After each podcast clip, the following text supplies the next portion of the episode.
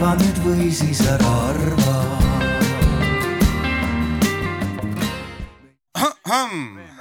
Äh, sissejuhatavalt väike köhatus, kaks minutit enne paneeli algust, ma arvan, äh, tõmbab tähelepanu. sest et äh, ükspuha, milline köhatus tänapäeval, olgu ta siis sisse või välja juhatav, tõmbab tähelepanu. et ja sealjuures ka aevastused, nii et terviseks kõigile, kes juba ette ajastama hakkavad. küll aga rõõm näha, et tasapisi alguseks ikkagi juba koguneb inimesi ka, sellepärast et temaatika, mille üle täna viimasena nüüd äh, turvalisuse alal ja siin politsei telgi all arutlema hakatakse neljas äh, järjekorras ja lõpetab tänase päeva ja, ja, ja ma eeldan juba, et küllalt palju inimesi on, äh, kes esinejateks on äh, oma teadmisi siin jagamas ja oma, oma mõtteid arendamas ja vestlemas. et, et loodame, et mõtteid on piisavalt nii palju, et väga tuliseks arutelu ei lähe, küll aga kindlasti temperatuur veidi tõuseb, sellepärast et tegemist ja, ja vestlusaluseks teemaks on meil siis Ukraina sõda ja põgenikud ja, ja, ja see maailm, mis seostub inimestega, kes sugugi mitte kindlameelselt just vabatahtlikult meile siia riiki sisenenud ei ole, küll aga teatud olude sunnil. mina piirkonna politseinikuna olen mõelnud ja harjunud selle olukorraga ja, ja leidnud endas nii mõnegi sellise huvitava uuema nüansi ja, ja teadmise või oskuse, mis mind ennastki on üllatanud just äh, seoses suhtluses äh, Ukraina sõja eest siia pagenud inimestega. ja seda kõike päris algusest saadik juba küllaltki tuleb tunnistada, et südamevärinal üldse mitte väga lihtsalt leides endas tugevust või oskust emotsioone alla suruda, mis olid nüüd eh, alates kahekümne neljandast veebruarist siis esimesed, eh, mis, mis üldse pähe tulid. Eh, puutudes kokku juba tegelikult esmase kokkupuutena siis Iklas piiripunktis ning hiljem ka Pärnus vastuvõtukeskuses, siis olen ka tegelikult kunagi ühele intervjuu võtjale ütelnud selle lause, et Pärnust äh, keskusest koju sõites, ma nimelt elan kolmkümmend kilomeetrit Pärnust kaugemal Häädemeestel, siis mitu korda juhtus seda, kui ma jätsin auto tee äärde seisma, nutsin ühe peateie, mõtlesin ja sõitsin edasi koju. see on keeruline, see on kuum, see on ebameeldiv ja aasta tagasi meist mitte keegi ei osanud kõige halvemaski unenäos seda näha. Nii et äh, ma loodan, et te suudate kogu selle küllaltki kehva maitse juures päris head äh, vestlust arendada ja leida võib-olla paljude kuulajate jaoks siis need õiged nüansid, mida vast ehk tähele panna. mõtelda, endas arendada isegi, sest inimene õpib ju kogu elu. ja, ja äkki suudame sellest kõigest siis üle olla. sest täna mina ütleks, et Politsei- ja Piirivalveamet juba peaaegu et suudab päris hästi sellega toime tulla. Aga kas kõik teised ka? puhta teie päralt.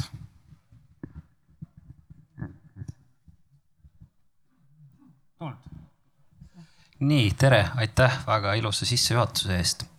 Ehm, mina olen Gert Valdaru. ma olen tänaseks ligi kakskümmend aastat rändeteemaga kokku puutunud. circa viisteist aastat ehm, väga, väga lähedalt töötades nii siseministeeriumis kui Sisekaitseakadeemias rändeteemadel. viimased viis aastat olen ma juhtinud Astanga Kutserehabilitatsiooni Keskust, aga olen siis, olen siis hobi korras rännet jätkuvalt vaadanud ja analüüsinud ja, ja ka kommenteerinud. et see on siis võib-olla ka sellepärast, miks mind siis Politsei- ja Piirivalveamet on eh, täna kutsunud tänast paneeli juhtima aga millest me täna räägime ja miks me räägime? Äh, see oli vist eile või oli see üleeile, kui äh, Eestisse on tuli või Eestisse on jäänud üle viiekümne tuhande Ukraina sõjapõgeniku. see on väga-väga suur arv. Teile üldise kont-, Euroopa Liidu konteksti pannes seda siis äh, me oleme kõik kuulnud siin äh, ja jätkuvalt tuleb üle äh, Aafrikast üle Vahemere Itaaliasse ja, ja ka siis Türgist Kreekasse põgenikke, siis viimaste aastate arvud ei ole ka olnud palju suuremad. Nad on olnud ka alla saja tuhande. aga me räägime siis sellistest riikidest nagu Itaalia ja Kreeka, mis on väga suured riigid, et, et kui me nüüd võtame Eesti siia, et on viiskümmend tuhat inimest, kes on öelnud, et nad on paikseks siia jäänud, siis see on väga suur arv. tegelikult Eestist on läbinud veel rohkem äh, inimesi, et ligi kolmkümmend kuus tuhat siia juurde liita on siis äh, kolmkümmend kuus tuhat on siis transiidist, kes on lihtsalt siis läbi Eesti liikunud edasi kas Poola, Saksamaale või, või, või ka Ukrainasse.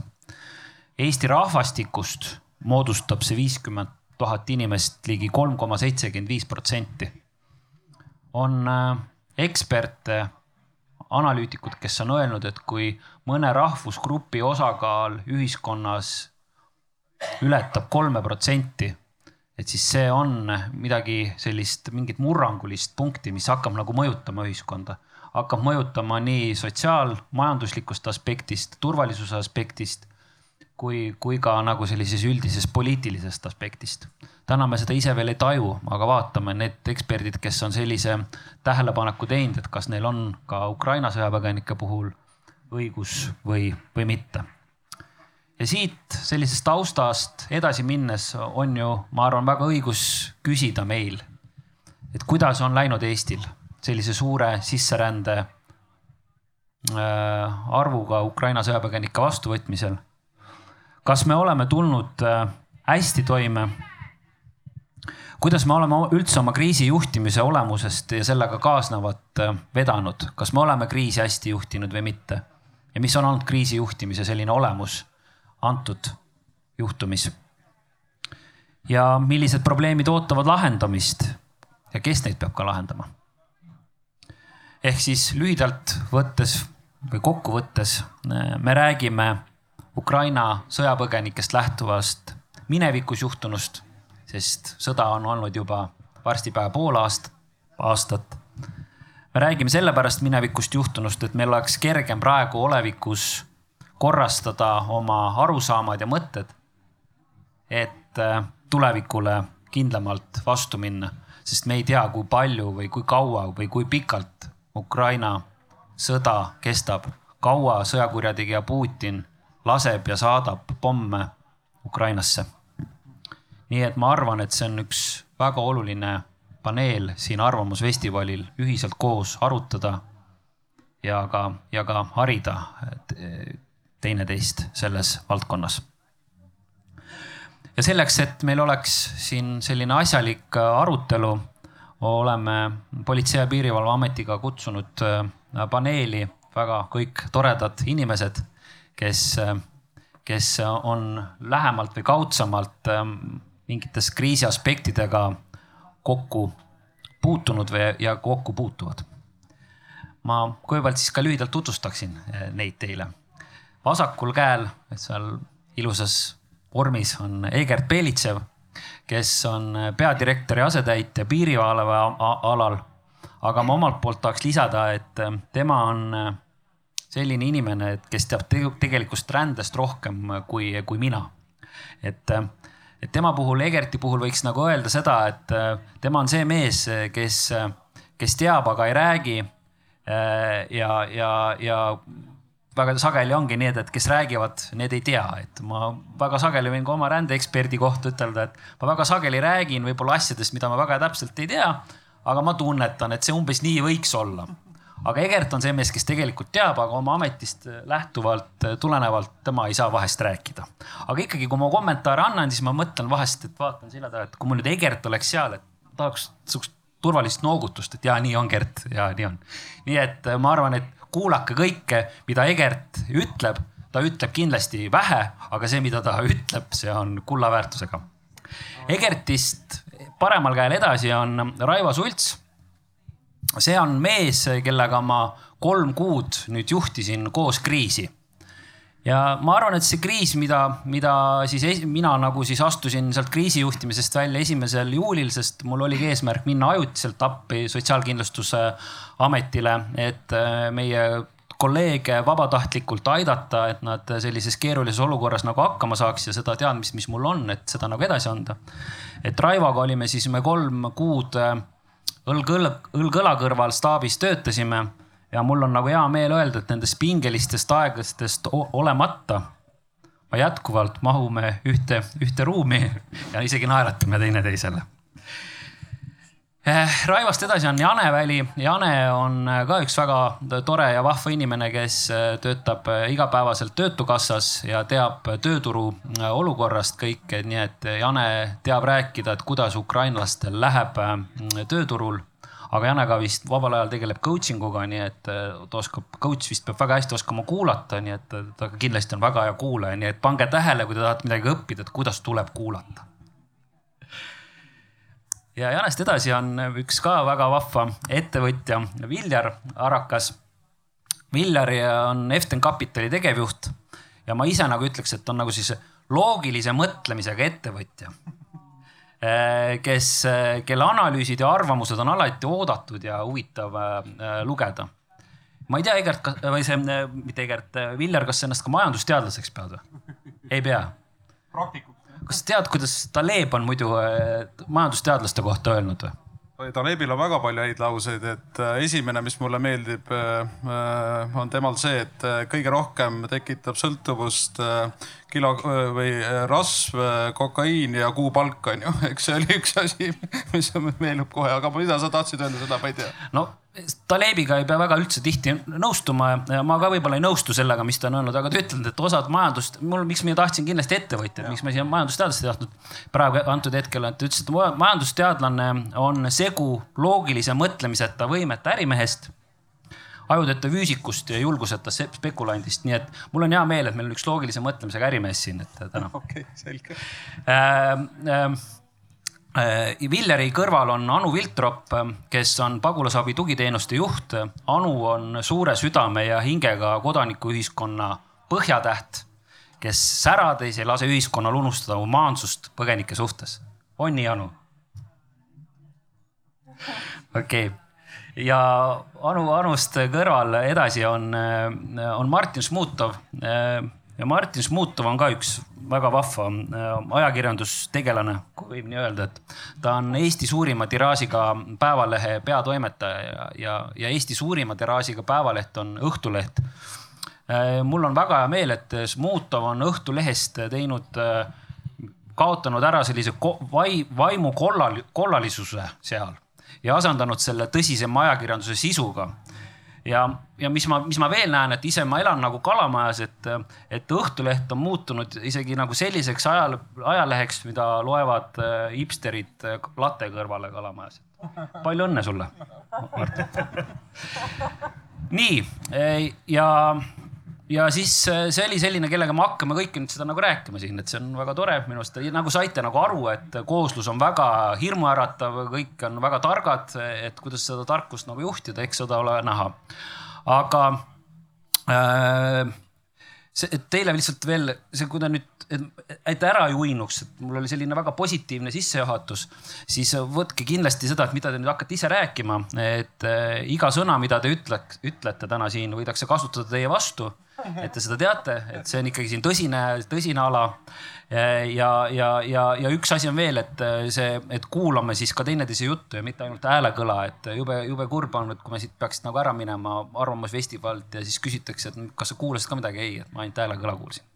nii, aga liigume edasi teema juurde siis ja algu-, alustuseks, et et, et annaks nagu sellise võimaliku arutelu, aruteluks sisse minna, siis äh, läheme ka nagu kohe, kohe isiklikuks ära, et, et ähm, on olemas sihuke, ma ei tea, kriisi klišee, et ärge kunagi raisake võimalusi, mida, mida pakub üks hea kriis, et head kriisi ei tasu nagu raisku minna. et, ähm, et iseenesest minu meelest on küll klišeeks muutunud, aga samal ajal ta on nagu ka sihuke väga hea võimalus näha, et äh, kriisis, et et kui me ütleme, et kriisist on õppida, et kes on hea juht ja kes, kes ei ole hea juht või kes on hea institutsioon või asutus ja kes, kes ei ole hea, hea riik. et kui te nüüd mõtlete sellele kriisile, kus me nagu praegu oleme, et, et kui nüüd küsikski teilt seda, et, et mida teie siit kriisist olete nagu õppinud, et milliseid, milliseid juhte te nagu olete näinud siin, et kes on nagu sihukest peegeldanud oma tõsist nagu palet positiivses ja kes negatiivses võtmes, milline riik see võiks olla ja mida te nagu siin mõtlete selles vallas, et? Martin, palun.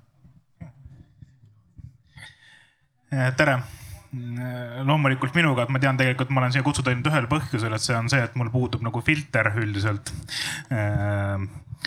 mida ma olen sellest õppinud, on tegelikult see, et ma arvan, et sellest kriisist ei õpita mitte midagi, nagu ei õpitud koroonakriisist ja nagu ei õpitud mitte ühestki teisest kriisist ja seda eriti siis nagu riigi vaates. ja ma pigem mõtlen nagu nii-öelda ministeeriumid ja selle allasutused, mitte niivõrd PPA-d ja kõiki teisi, et ma arvan, PPA ja pääste ja muud on selline väga meeldiv erand kogu selles äh, kompotis, mis meid siin kolm-neli-viis aastat on nagu taga ajanud. et aga, aga et jah, siit mingeid järeldusi tehakse, ma kardan, et mitte koroonakriis algas sellega, ma tuletan teile meelde, kus Jüri Ratas hommikul ütles, et mingit kriisi ei ole ja õhtuks oli eriolukord.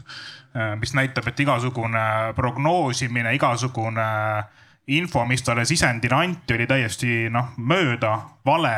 ja tuletame meelde, siin vist oli veebruari algus, kus toonane minister, äh, sellel ametikohal Signe Riisalo ütles, et Eestisse tuleb maksimaalselt kaks tuhat põgenikku et äh, jällegi noh, ma küsiks, et kas see inimene, kes selle prognoosi tegi, on tänaseks vallandatud.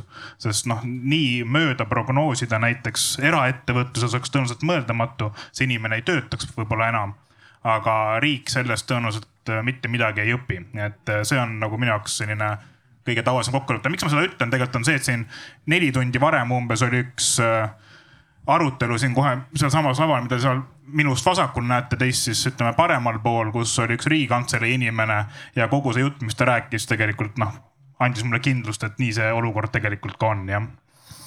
ja Martin, sa tõesti aru saanud, sul ei ole filtrit, sellepärast sa siin oled aga, aga, aga Anu näiteks, et kui nüüd ütelda, et, et silemeri ei tee kellestki head meremeest, et kas sa positiivselt suudaksid nagu välja tuua, et kellest see selline mitte sile, silemeri või torm on teinud äh, hea meremehe, et keda võiks nagu eeskujuks tuua? on see mõni asutus, see ei pea olema inimene, on see inimene, asutus või mõni riik lausa?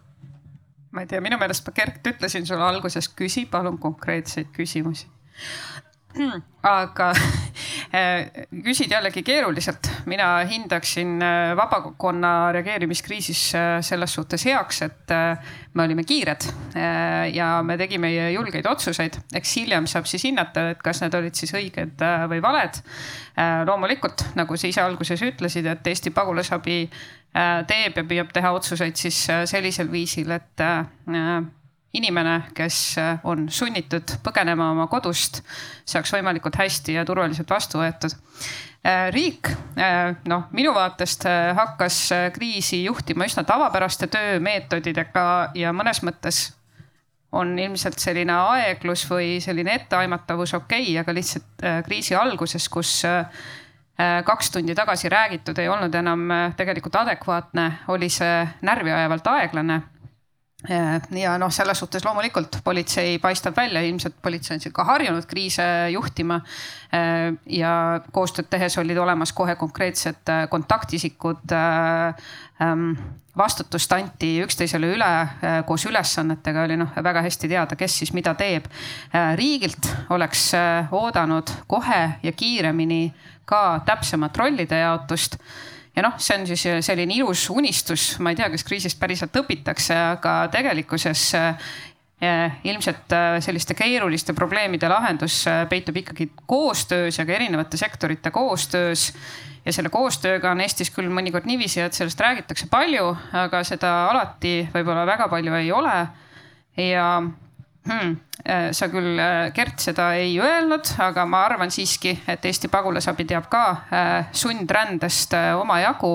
ja tegelikult oleksime me täpselt samamoodi saanud avaliku sektoriga ka julgemalt arutada, et mis need erinevad lahendused võiks olla, kus tegelikult häid lahendusi laual ei ole nüüd said, said ühelt poolt, mu küsimus oli ju väga konkreetne, kas me, kas me oskame nimetada või oskate te nimetada mõnda inimest, asutust või riiki, kes, kes, kes ei ole ujunud alasti, et kes, keda, keda nagu esile tõsta või vastupidi? ja ma, ja ma vastasin ka sinu küsimusele. ja, sa pagulasabi tõid välja, väga tublid, nii. ma tahtsin ka PPA välja, kui sa panid tähele ja ütleme, ettevõtjatel on muidugi avaliku sektori kirumine on selline lemmikspordiala on ju, ma ei tea ühtegi ettevõtet, kes selles halb oleks. aga äh, ma ei, selle kriisi peale nüüd mõeldes, ma tõesti ei mäleta, et meil oleks olnud sihuke omavahel sellist hammaste teritamist sellel teemal, kuidas jälle riik ei saa hakkama, eks. koroona ajal oli seda päris kõvasti ja ma olen hiljem mõelnud, et miks see huvitav nii on või miks need kaks kriisi nagu sellises juhtimislikust on kuidagi leiavad täiesti erinevat käsitlust. ja minu isiklik hüpotees on see, et me hetkel maksame memme vaeva. me maksame oma vane, vanavanemate auvõlga. Et kui nemad pidid minema neljakümnendatel üle tormise mere Rootsi, siis me oleme täna see Rootsi, kuhu tullakse ja sellesama väe eest kes laamendas toona siin ja täna, täna seal. et see on nagu, mul on nagu selline mulje jäänud ja kogu see abi, mida ka äh, ettevõtjad on kõik organiseerinud, kes kuidas oskab, see kõik me tunneme kuidagi, et me oleme selles nagu osaline, et see on meie asi, et meid rünnatakse. ja see on, ma arvan, ka tegelikult loonud nagu erakordse ühtsustunde, et tõesti, et alati, no kuulge, kes see oli äh, veebruari alguses valmis selleks, et meil on täna Pärnu linna jagu äh, inimesi Eestis siin juures, eks? Et no see, see ei saa ju nii olla, eks, või noh, see on sama nagu tuua näide ka ettevõtte seisukohast, et kes see Beirutis siis oli valmis selleks, et äh, ammoniaagiladu lendab linnas õhku, et no sa, no see on mingi asi, mis tuleb, no see Talebis, millest sa rääkisid, mustast luigest tahaks on ju rääkida, see on mingi must luik, mis tuleb, on ju, ja muudab kõike, et selles suhtes tegelikult äh, mina tahaks küll öelda, et äh, kiitus ja lugupidamine avaliku sektori ja PPA ees äh, eriti, kes sellega minu arust tegelikult päris hästi hakkama saanud. väga hea, me oleme saanud juba kolm, PPA, äh, kodanikuühiskond või vabakond ja, ja siis ütelda ka Eesti riik. Jane, oskad sa veel ise lisada kedagi või sa tahad ka negatiivses mõttes kedagi välja tuua? Ma olen nii positiivne inimene, mul on väga raske negatiivselt nagu kaasa mõtelda, aga, aga eh, ma mäletan seda kannatuse tunnet esimestes eh, nõupidamistes, et hästi palju üksteist kritiseeriti, hästi, väga palju energiat läks sinna. aga ma mäletan seda hetke, kui ma olen Lõuna-Eesti kriisikomisjoni liige ja, ja kahekümne neljas veebruar oli toimunud ja kohe varsti kutsus Margo Klaos meid kokku. ja ta ütles kohe esimese lausena, et te kuulsite kõik äh, ministri sõna kaks tuhat. mängime sõbrad, sugulased, tuttavad, koostööpartnerid praegu läbi selle kõik äh, saja tuhandega ja mõtle nüüd sada tuhat ja mis on sinu roll. Ja ma mäletan, et ma ootasin oma jää, rääkimise järjekorda nõupidamisel ja mul nihuke värin oli sees, ma mõtlesin, mis on mu roll, mis on mu roll. ma pean hästi selgelt seda kohe varsti ütlema oma piirkonnas. Ja ma mäletan, kui minu aeg oli käes, siis ma sain selle selgelt öeldud. Ja, ja minna selle vaatega oma organisatsiooni. Ja läks mõni päev välja edasi, kui me olime loonud siis juba Töötukassas kiiresti selle online EXPO keskkonna, et need Ukraina kodanikud leiaksid enda keeles kohe sealt töö. Üle kivide ja kändude, aga see oli viis-kuus päeva peale sõja algust. et me hakkasime tegutsema nii et PPA ja Margo ja, ja pääste ja kõik need inimesed olid minu jaoks need, kes aitasid mul ruttu kannustatult mõelda, mis see minu roll praegu ja mängida läbi selle saja tuhandega, mitte kahe tuhandega. väga hea, aitäh, siia saime lisatud siis Päästeameti praegu. Raivo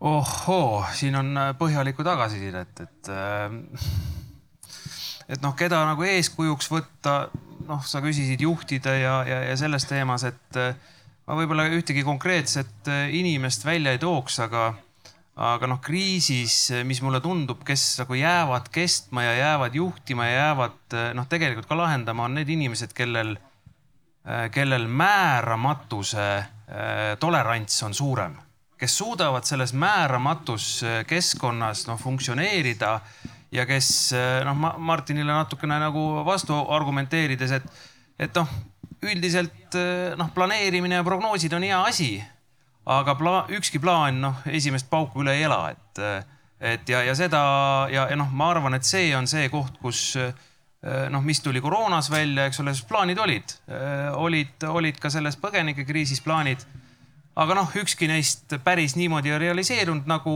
nagu arvata, prognoosid paika ei pidanud. ja noh, võib ju küsida, et noh, kes see sellised prognoosid tegi. noh, jah, võib-olla sellest ei maksa, maksa rääkida, vaid küsimus on selles, et kuidas me reageerime, kuidas me saime sellega hakkama, et, et meil tuli siis kahe tuhande asemel äh, siis äh, viiskümmend tuhat, eks ole. ja, ja noh, minu arvates on riik väga hästi hakkama saanud. riik on väga hästi hakkama saanud, et noh, PPA-st on räägitud noh, mina ütleksin, et Sotsiaalkindlustusamet, kes siis noh, kõige esimesena selle kriisi, äh, kriisi äh, nii-öelda lahendamisega just selle majutuse vaates tegelema hakkas. noh, müts maha, on ju, siin on palju Sotsiaalkindlustusameti inimesi ka. et, et noh, suur aplaus neile, et, et see on tohutu pingeline olnud ja, ja, ja, ja see, kui saada just noh, Martin tagasisideks, eks ole, ajakirjanduse käest kogu aeg seda, noh, te ikka mitte midagi ei tea ja mitte midagi ei tee, onju. ma tahaksin öelda siia vastu, et noh, minule teadaolevalt ei ole ükski abi vajav inimene jäänud majutuseta, onju. ja see on kõva asi, see on kõva asi. saime, saime siia lisatud siis Sotsiaalkindlustusameti. Egert, sul on viimane sõna, et kas sa oskad siia veel kedagi lisada, keda, kes on näidanud kriisis just sellist siis tugevat tahet ja esiletõusu? ja aitäh. esimese asjana ma tahan öelda, et äh, sinu alguse äh, siis tähelepanek, et, et peaks kuulama äh, seda vestlust, mina saan aru, et ma tulen Arvamuse festivalile, ma saan poolteist tundi arvata midagi millestki, aga nüüd olen juba pidanud pool tundi kuulama tähelepanelikult ma tahaks öelda seda, et eh, kui küsimus on see, et kes sai hästi hakkama või keda võiks esile tõsta, eh, siis siin on kõlanud paljusid asju. Aga ma tahaks tõsta esile Eestit. Ja ma ei ütle Eesti riik, sest paljude jaoks näiteks riik tähendab midagi, mis ei hõlma näiteks kogu Eestit. mina tahaks öelda, et Eesti sai selle kriisiga või Eesti, Eesti paistis selle kriisi puhul silma just nendel puhkudel ka, et eh, olles ka väga lähedalt nähe, näinud eh, juba päris mitut kriisi, ma arvan, et isegi võib-olla liiga palju eh, viimaste aastate kohta, siis ma olen näinud ka seda, kuidas Eesti toimib erinevate kriiside puhul. Ja ma tahaks öelda, et tegelikult see oli, selle kriisi puhul oli, oli märkimisväärne, kuidas Eesti toimis. Ja ma peangi siin silmas seda riigiaparaati, loomulikult on igasugustes protsessides tõrkeid, aga see, kuidas tegelikult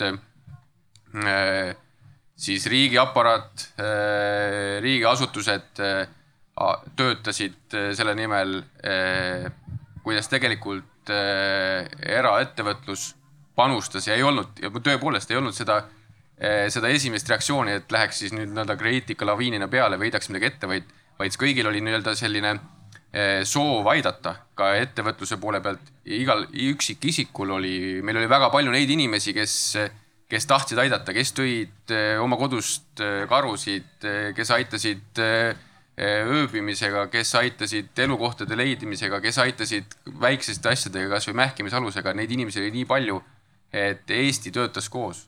vabaühendused, ma tean varasematest vabaühenduste ja riigi suhe on olnud eh, tihti selline, võiks öelda, võrrelda koera ja kassiga, aga, aga nendel esimestel kuudel tegelikult eh, otsiti seda äh, äh, koosmõju ja otsiti seda, kuidas leida lahendusi. ja võib-olla seda ei tule väga tihti äh, ka riigi poole pealt, aga mina tahaks öelda ka, et nendel esimestel kriisikuudel tegelikult ka ajakirjandus on sellised, ma tean, et klikk müüb, kõik, kõik sellega seonduv, ajakirjanikud teevad oma tööd. aga mina pean ausalt tunnetama, et kõigil nendel esimestel kriisikuudel Äh, ajakirjanikud äh, esiteks äh, leppisid seletustega. ja, ja ajakirjanikud esimestel kriisikuudel ei õhutanud või ei tekitanud ekstra kriise. ja ma ütlen, et see, see koostöö, see ongi Eesti, kes, kes paistis silma selle lahendamisel aga nüüd muidugi oleme siin arutanud, öelnud, et me oleme, Eesti paistis silma ja kindlasti Eesti paistis ka teiste liikmesriikidega võrreldes silma aga see ei tähenda seda nüüd, et, et kõik see oli briljantne. me võiksime nüüd minna kiiktooli või, või võrkkiike ja jääda nautima seda, sest va me ei ole lõpetanud va. väga hea, et sa, ma arvan, et me saamegi panna siia esimesele sellisele mineviku vaatele saame punkti, et me oleme öelnud, et siiamaani oleme hästi hakkama saanud. siin käisid ka konkreetsed asutused läbi nimetusega ja sa võtsid väga hästi kokku, et ma arvan ka, et tervikuna Eesti sai väga hästi hakkama. aga tulemegi nüüd olevikku, et äh, räägige Egert praegu, et mis see nagu olukord täna piiril on kas me võime loota näiteks, et jõuludeks on, ähm, saame rahulikult jõule vedada, vedada omakeskis, ukrainlased saavad jõuludeks koju tagasi minna või, või, või me peame valmistuma siin ikkagi veel ka pikemaks kriisis, et, et räägi palun sellest, et mis see täna hetkeolukord on, kui palju tuleb äh, jätkuvalt äh, Ukraina sõjapõgenikke Eestisse ja milleks me sinu arvates hinnanguliselt peaks valmistuma siis? Ja siin on äh, hea küsimus, ma olen ka seda küsimust küsinud äh, paljude käest.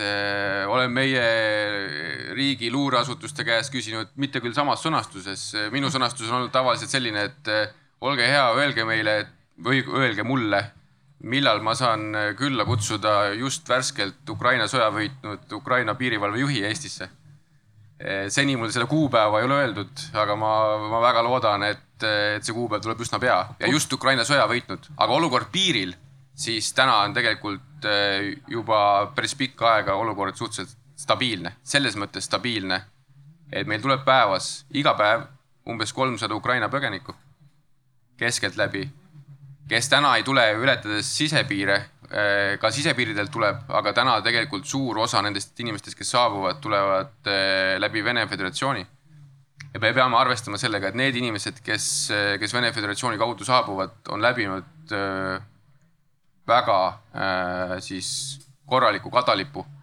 ehk siis üks asi on see, et sa pead põgenema oma kodumaalt sõja eest. teine asi on see, et sa pead põgenema oma kodumaalt sõja eest äh, agressorriiki, kes, kes, kes sinu riigi vastu sõdib ja tegelikult tegelikult nende inimeste eh, mentaalne seisund on tihtipeale eh, kogu aeg eh, ka, ka hullem ja hullem, et see tähendab seda, et ka riigina me peame arvesse võtma seda, mida need inimesed kogu teekonna jooksul läbi elavad. nii et kui küsimus on, et mis on olukord, siis olukord täna on suhteliselt stabiilne. kui kaua see kestab, me peame olema valmis, et see kestab pikka aega mm. -hmm. Okay. aga lootma ja tegema endast kõik olenema selleks, et see lõpeks võimalikult kiiresti ja lõpeks Ukraina võiduga.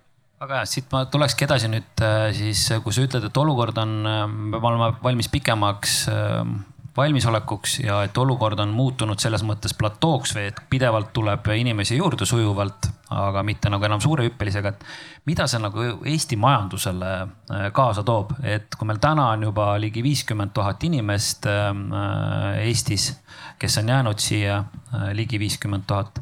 et äh, ja, ja, ja mida see Eesti majandusele kaasa tooks ja kuidas sa kirjeldad üldse seda, Viljar, seda majanduse olukorda täna, mis on, et, et, et kuidas see võiks hakata mõjutama kogu seda pagulasteemat sinu arvates? no kui ma panen nüüd väga kitsarinnalise majandusinimese mütsi pähe on ju, ma saan aru, see on see, mida sa eeldad, eks, aga ilma filtrita nagu Martinilt on ju, siis äh, see on ainult hea uudis Eesti probleem on kogu aeg olnud see, et meil on liiga vähe inimesi ja need inimesed, kes siin on, jäävad järjest vanemaks ja majandusaktiivsus jääb järjest väiksemaks. kõik ettevõtjad rääkisid, et pole inimesi, pole inimesi, pole inimesi. nüüd nagu on. ja no näiteks ma jällegi, üksiknäiteid on muidugi üldistada on alati ohtlik ja nendest valesid järeldusi teha, aga ka meie uues Radissoni hotellis on kakskümmend protsenti töötajaid täna on nii-öelda põgenikud siis ja meie hotellijuht ütleb niimoodi, et nad jagunevad umbes keskelt pooleks, et äh, keskmiselt pooled nendest on otsustanud, et nad jäävad Eestisse, et nad hakkavad siin rajada oma elu. ja teised pooled on, et nad on ajutiselt, nad lähevad edasi, lähevad tagasi või on noh, et see, et see kõik see, kõik see on nagu nende jaoks nagu ajutine. palju neid seal lõpuks jääb, me ei tea aga jällegi, kui me nüüd räägime nagu hästi no nii-öelda emotsioonitult ja seda natuke isegi halb öelda kui, kui see maailmapoliitika on kahjuks sinna viinud, et Kremli hullunud äh, peremees on, äh, on võimeline tegema seda tänases maailmas, mida ta äh, on võimeline või mida ta teeb. olgu see Obama läbikukkumine Süürias või ma ei tea, Biden Afganistanis või Merkel oma, oma nii-öelda kanapimeda energiapoliitikaga siis kui see olukord nii on, siis on meie kitsas rahvuslikes huvides see, et see sõda kestaks võimalikult kaua, kuna Putin murrab seal oma hambad, see on selge ja võimalikult palju need inimesed, kes siia tulevad, jäävad siia. mina rändest väga palju ei tea ja kõik, mis ma tean, ma kohe räägin ära. ma olen äh, kuulnud seda, et äh, mis oli Jugoslaavia sõdade järel, et kõik, kes on, kui sõda kestis üle nelja aasta, siis reeglina inimesed enam tagasi ei läinud, eks. et loomulikult me loodame, et see sõda lõpeks homme, aga oleme re re realistid, ta ei lõpe homme, onju. kui me seda pilti vaatame, et siis selles suhtes ausalt öeldes majandusinimesena see on tegelikult ainult hea, hea uudis. Need põhjused on küll väga kurvad, halvad, emotsionaalsed täiesti, nende peale on parem mitte, mitte mõelda onju empaatilise inimesena. aga majanduslikult on see ainult hea uudis aga kuidas sa nagu tajud seda majanduse konteksti ka praegu nagu noh, laiemalt, et kui majandusel hakkab kehvasti minema, siis üldiselt on ka sisserändajatel nagu raskem olla, et meid ju praegu siin mis meil on, toiduhinnad on tõusnud siin circa mingi seitseteist protsenti, elektri hind teeb rekordeid. sügis, sügise ees on paljudel nagu hirm, et, et mida sa nagu selle majanduse kohta praegu nagu üldiselt arvad, et kas see üldine kontekst, kus me toimetame peame, riigiametnikud, vabakondsed, kas ta läheb raskemaks või, või on seal, näed juba ka nagu leevendust mingil kujul? Äh, ei, olukord läheb järjest, mida, mida päev läheb lühemaks, seda hullemaks olukord ka läheb, onju et äh, me talvel peame olema valmis väga suureks närvilisuseks igal rindel, aga tegelikult see on lühiajaline. see tegelikult on lühiajaline, see on lihtsalt väga kiire transformatsioon, et alati siuksed muutused toimuvad väga vaikselt ja siis kuidagi korra ja korraga äkki onju. Me kõik teadsime, et lõpuks see Putin kasutab oma gaasi relvana, no nüüd, nüüd said sakslased ka seda siis teada sealt, et äh, Euroopa suurim äh, nii-öelda keemiatööstusettevõte BASF hakkab varsti kinni jooksma, onju. Äh, seda me ka, ka juba ette teame, sealt tuleb jär, järjekordne nii-öelda laine nii-öelda alltöövõtjad, kes hakkavad tööst ilma jääma. ja, aga tegelikult see kõik sellega saadakse hakkama ja see tegelikult on ikkagi suhteliselt lühiajaline.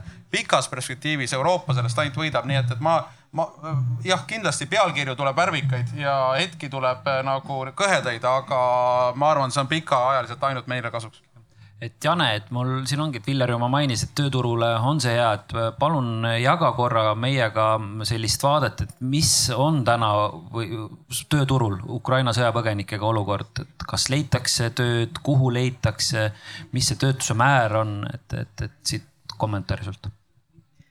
Jah, meil on ülevaade nii nagu ka teistest inimestest, kes Eestis elavad, et, et ainult need, kes siis meie juurde on jõudnud ja eks see loogika on selline, et inimene ei peaks ju meie juurde üldse jõudma. ta ikkagi kõigepealt ise otsib tööd sellisel viisil, nagu ta oskab ja kui seal asjad ei toimi ja töö siin läheb pikaks, siis ta jõuab meie juurde ja meie hakkame aitama oma teenustega. et nii on meil olnud tegelikult hästi rõõmus tõdeda, et väga paljud ukrainlased leiavad töö enne, kui nad jõuavad meie juurde ja see on olnud meie ootuste ületus, et neid on olnud rohkem. Ja meie juurde, noh, meil on laivis andmed, täna hommikul oli neid inimesi, kes Töötukassa kaudu tööd otsisid Eestis. Kümme tuhat nelisada kuuskümmend kaheksa inimest. ilmselt täna tuli kuskil eh, viiskümmend, kuuskümmend tükki neid juurde eh, õhtuks.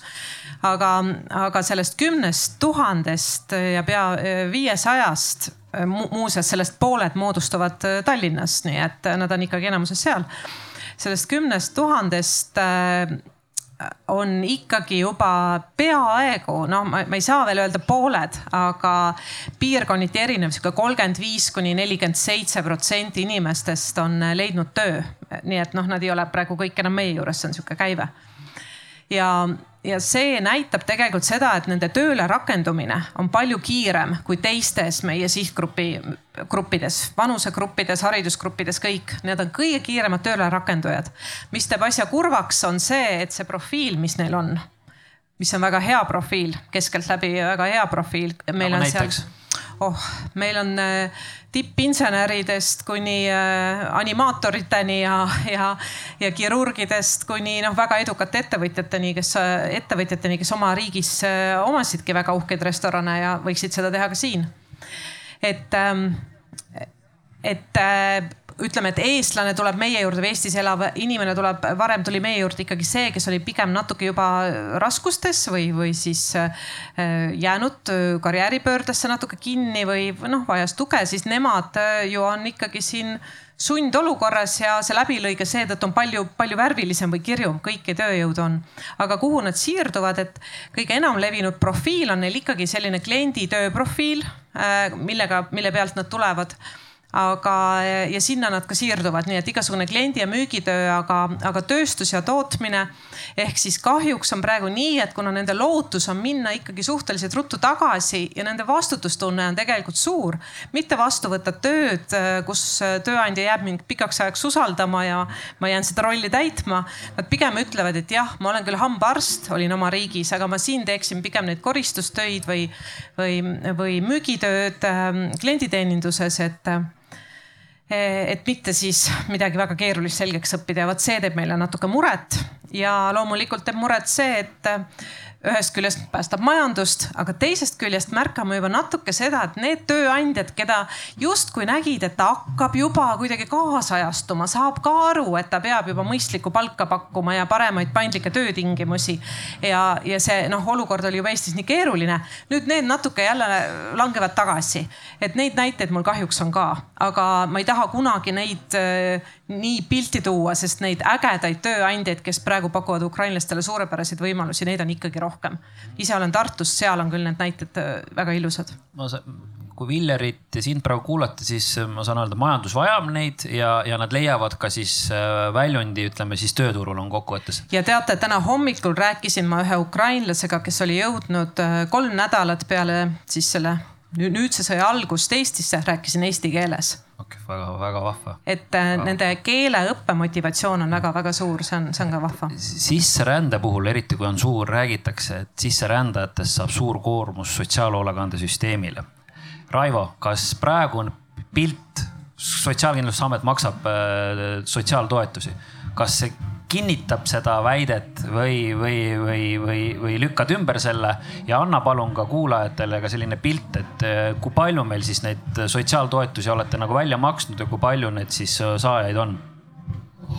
Äh, no koormusena ei, nad ei ole märkimisväärne koormus. Õnneks noh, muusika hakkas ka mängima, onju, et ma ei tea, kas te üldse kuulete selle? kuulete jah? Et, et ma võtan siit statistika ette, üks selline toetuse liik, mida riik maksab, on siis perehüvitised, eks ole, ja, ja märtsist juulini on perehüvitisi üldse makstud kakssada kuuskümmend kaks miljonit eurot, see on siis üldse Eestis.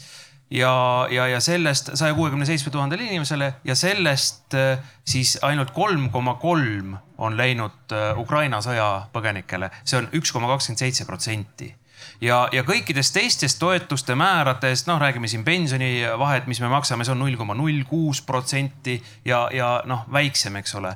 ainukene, kus on selline tõus olnud, on siis toimetulekutoetus, mida siis teatavasti kohalik omavalitsus maksab äh, siis äh, vähekindlustatud inimestele ja, ja noh, ütleme, et kõikide nende toetuste ja, ja, ja selle noh, eesmärk ja, ja ka tööle mineku eesmärk on ju see, et meie soov ju riigina on ju see, et need inimesed saaksid iseseisvalt toime tulla.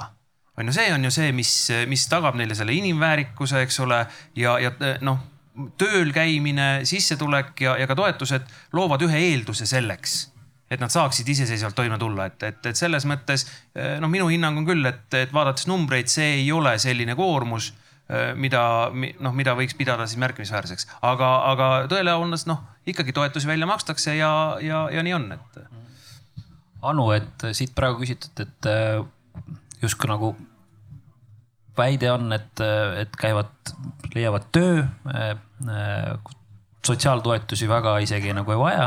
milline on selline, te, te igapäevaselt abistate Ukraina sõjapõgenikke, milline on nagu teie pilt, et kas teie hinnangul on nende osakaal, kes vajavad abi, suur, on see suuremaks läinud ja, ja siis ka see on üks küsimus ja teine küsimus, millist abi nad teie hinnangul enim nagu vajavad? Äh, no kui ma nüüd niiviisi lihtsalt hakkan nagu neid kogemusi mõtlema, siis ega meie juurde tuleb ka ju see inimene, kes on hädas ja need inimesed, kes saavad kõige suurepärasemalt hakkama, ei äh, tule. Äh, meieni jõuavad näiteks sellised inimesed, kes on elanud oma sugulaste ja tuttavate juurde ja mõnikord selgub, et nad ei ole ise suutnud siis otsida ja ka nende sugulased ja tuttavad ei ole neid juhatanud nende võimaluste juurde, mida riik äh, pakub, alates töö otsimisest, toimetulekutoetusest või siis, äh, oh jumal küll, ajutise kaitse taotlemisest, et ähm, äh, mis siis juhtuda võib, on see, et sugulase sohval ka lõpuks lähevad suhted sassi ja, ja siis on see inimene ootamatult tänaval ja tal on põhimõtteliselt kõik nagu sammud astumata ja siis tuleb Äh, lihtsalt kiiresti neid äh, lahendusi äh, ähm, noh, inimene nii-öelda siis peab neid lahendusi siis kiiresti otsima hakkama, et taotlema ka kaitset ja siis tegema neid kõiki, kõiki järgmisi samme. Ähm, mis võib-olla inimestel siis võib-olla on puudu või ukrainlastel on siis hetkel puudu või see tunnetus ei ole veel nii hea, et üldse, mis see üldine see raam siin Eestis on, et mis need õigused, võimalused, kohustused on, et see on alguses selline natukene ujumise tunne et äh, äh, väga raske on aru saada, et kust ma seda infot saan või kust ma seda õiget infot saan. Ja sellises äh, olukorras on ka see Ukrainale üsna haavatav ja väga mõjutatav erinevatest kuulujuttudest. Ja neid on siin kevad-talvel lendu libistatud päris mitmeid. Ja kuigi ka kohanemisprogramm ja erinevad grupinõustamised, mida pagulasabi teeb, et siis me tegelikult räägime sellest, et äh, milliseid infokanaleid äh, tasub äh, tarbida või mida tasub usaldada. või kui sul on mingisugune mure või küsimus, et millisest kanalist infot otsima hakata, siis see kindlustunne ikkagi sellest, mis see Eesti riik on ja kuidas see toimib, et see tuleb ikkagi aja ja kogemusega aga kas oskad veel teie oma äh, abistamise juures, mis on need olnud peamised abistamiskohad, mida nagu inimesed vajavad ähm,? eluase, eriti siis pikaajaline eluase äh,. siis selline hädaeluase siis sellistel juhtudel, kus äh, inimene on oma senisest äh, ajutisest elukohast välja visatud ja ma pean siin silmas siis äh, tõesti äh, neid sugulasid ja tuttavaid äh,. küsitakse ka erinevat siis vaimse tervise tuge ähm, küsitakse nõu äh, selles osas, et milliseid samme siis üldse Eesti riigis astuda, et just, et ongi selline laiem nõustamine või jutuajamine sellest, et mida ta teha saab, kus ta saab ennast töötuna arvele võtta, kuidas üldse tööd otsida, kuidas ise elukohta otsida, kuidas kohanemisprogrammi registreeruda ja kõik see muu. ja väga tihti on inimesel vaja lihtsalt ärakuulamist ja seda tunnet, et äh, tegelikult on siia Eesti riiki siis oodatud Äh, väga hea, need kattuvad, äh, kattuvad suuresti ka siis ähm, PPA äh, Instagrami jälgijatega. Needsamad mured, et äh, Politsei- ja Piirivalveamet pani siin siis äh, ennem äh, festivali ka Instagrami küsimuse üles, et milline on sinu hinnangul põgenike jaoks suurim murekoht. vastas kakssada seitsekümmend neli inimest, sada neli vastas, et on elamispaik, kaheksakümmend tugivõrgustik, seitsekümmend töökoht ja elementaarsed esemed, noh ka hinnangul, kellel on kokkupuude olnud Ukraina sõjapõgenikega nii äh, ennem kui Martini juurde läheme, Martin on pikalt äh, oodanud ja kogunud mõtteid, siis ma ikkagi ühe äh, teemaploki korra küsin veel ära, mida, mis, mis sisserändega kaasneb? Ja sisserändega, kui on massiline sisseränne, on näha olnud ka üldiselt tõusu või tuleb teemaks ühiskonnas võib-olla isegi statistiliselt ei ole tõusu, tuleb kuritegevus. hakkavad rääkima, hakkama levivad jutud, et, et kuritegevus kasvab, õiguskord, õiguskord saab nagu riivatud. kas Egert tänasel päeval Ukraina sõjapõgenike naasmisega on Eesti õiguskorras on mingeid selliseid suuri trendimuutusid, et kuritegevus on kasvanud või, või, või, või, või, või mitte?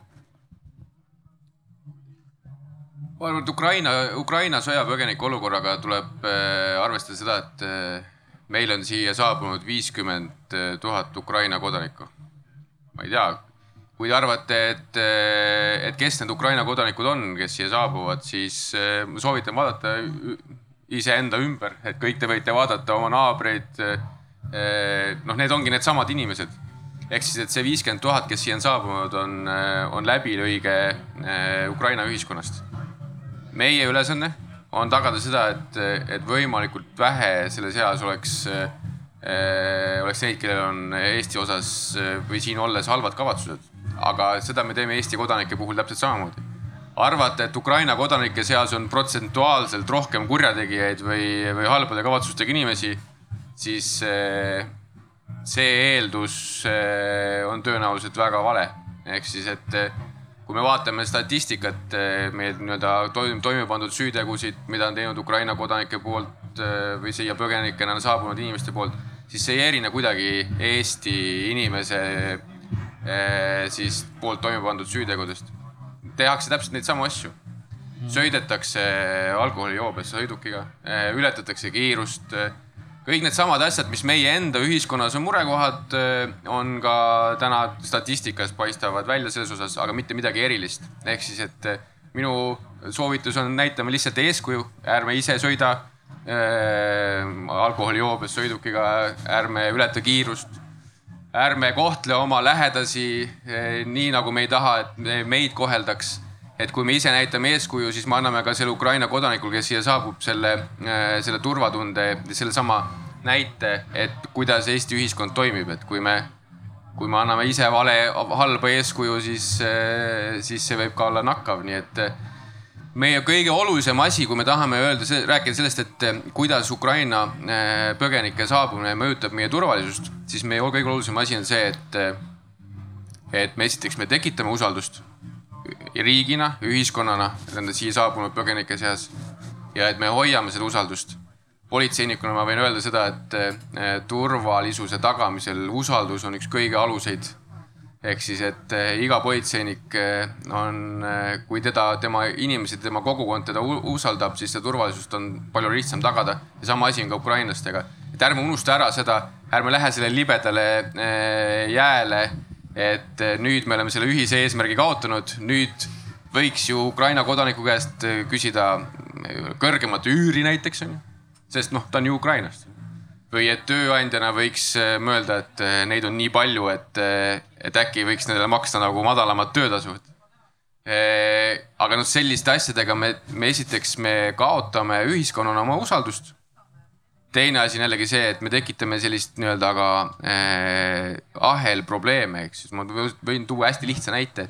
et oletame, et meil on ema, Ukrainast pärit ema koos lastega kes peab näiteks maksma üüriturust kõrgemat üüri.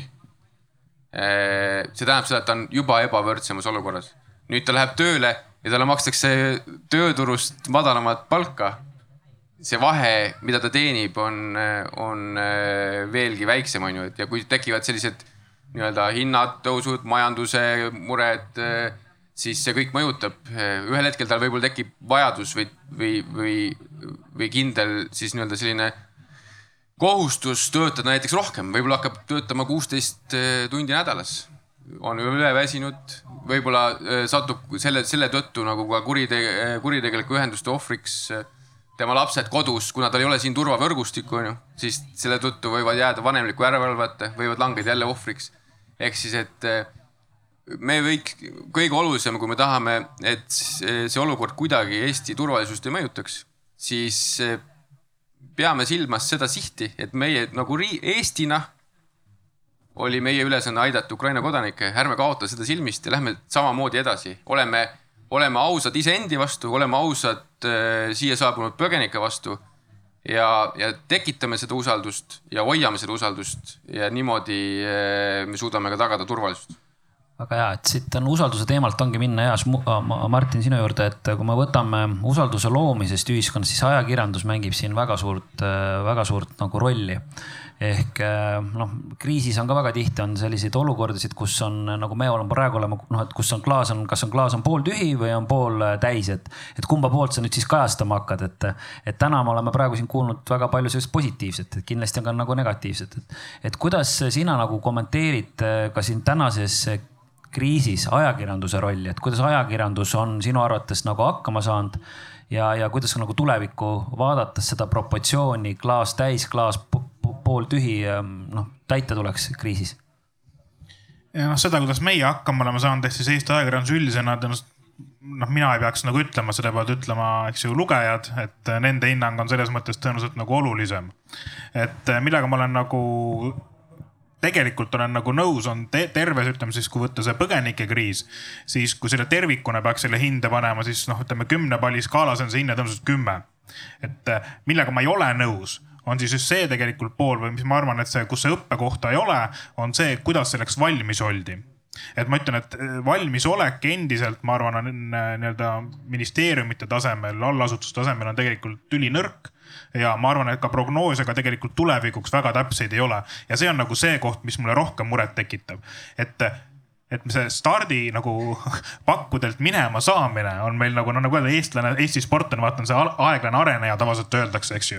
et teised on ammu ette ära arenenud ja siis eestlane jookseb kuidagi järgi, et teeb meeletult tööd, meeletult tööd nagu noh, ma ei tea, Raio Piiro jalgpallis või siis no ütleme, Veerpalu parimatel päevadel, seal muudkui treenib, treenib ja siis jõuab, eks ju, maailma tippu parima tulemuseni mingis mõttes, eks ju. noh, jätame selle Veerpalu värgi kõrvale no,, aga noh, ideena, eks ju, see on see, aga, aga see minema saamine on nagu keeruline, et minu jaoks jaoks on nagu see küsimus, et kui minema saaks ka veel nagu paremini varem, et äkki see tulemus oleks nagu veel parem.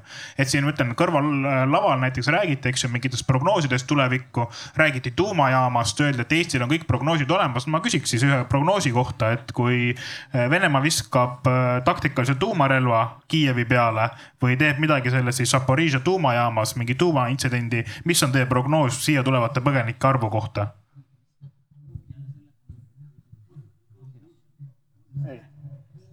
Raivo Eegert. ei, ma küsiks SKA poole pealt, et äh, jah. jah, ma annan selle küsimuse edasi, kes neid prognoose teeb, et palun, Egert. mina võin väga selgelt öelda, et ega äh, täna Eesti äh,, see kogus Ukraina põgenikke, kes on siia saabunud äh,, on nagunii üks Euroopa kõrgem, kui me mõtleme nagu elanikkonna kohta. kui äh,, kui toimub selline õnnetus äh,, no siis me võime me peame vaatama ka Euroopa Liidu pilti tervikuna. meil on, eks ju, miljonid Ukraina põgenikud Euroopas. me võime kindlasti korrutada seda numbri vähemalt kolmega.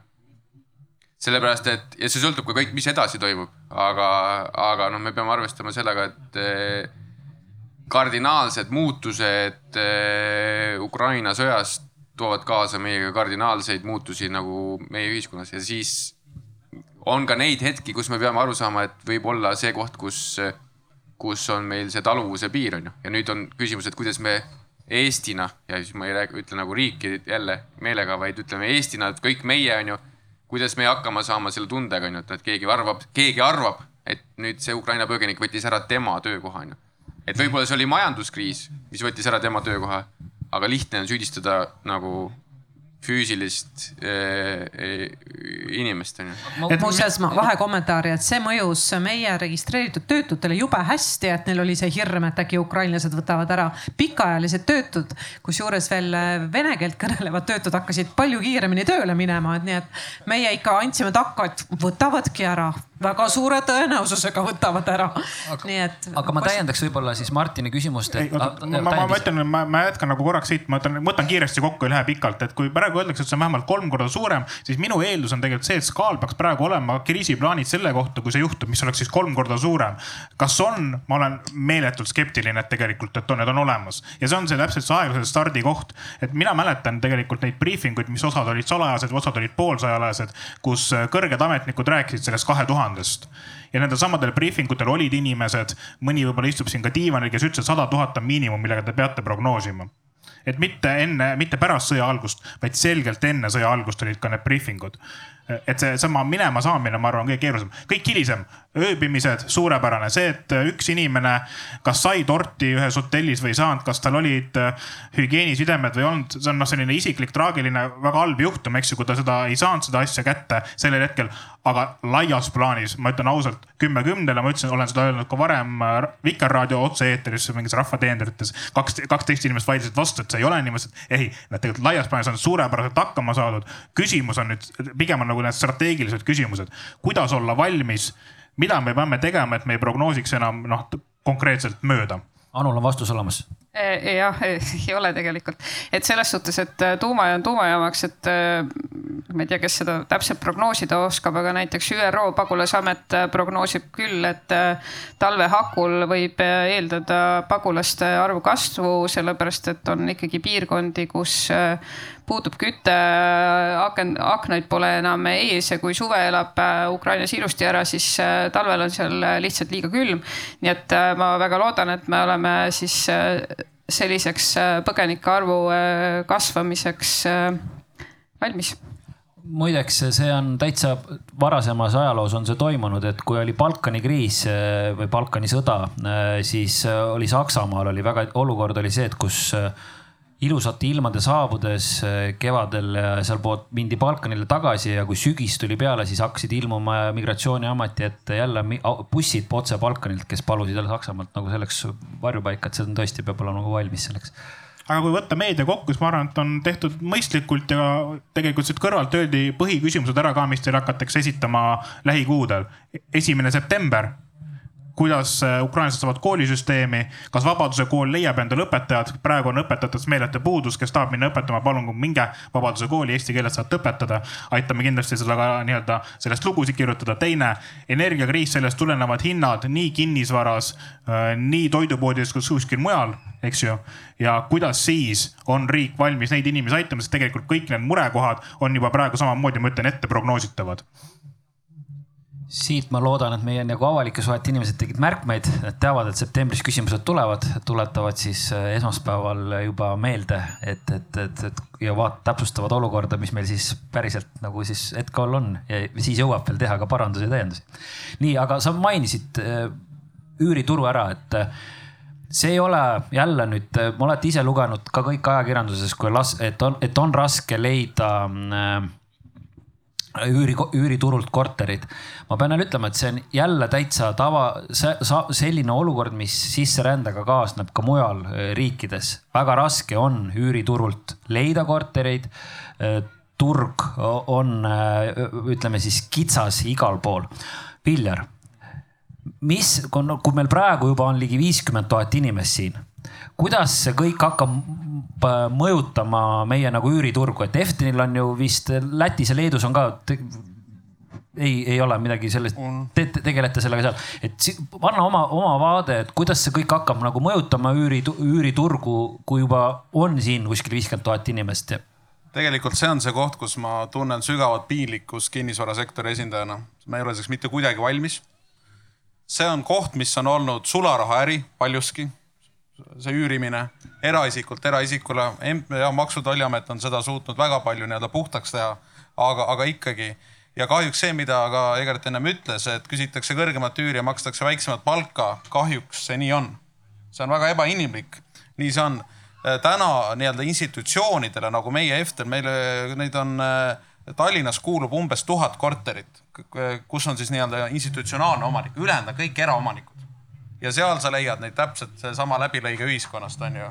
ja, ja neid eh, on väga palju, kes annavad ka tasuta ja kõik inimesed teevad suuremeelsusest, aga on ka täpselt see teine, see kaalukauss seal olemas see on see koht, milleks täna nii-öelda kinnisvarasektor selgelt ei ole valmis, meil ei ole täna tuhandeid korterid, kuhu võiks homme sisse kolida. eks ja mida saaks nagu nii-öelda mõistliku hinnaga üürida, eks. ja see on väga-väga-väga suur probleem ja see probleem ei lahenda järgmiseks kevadeks. kas, kas hinnad üüriturul lähevad ülesse veel?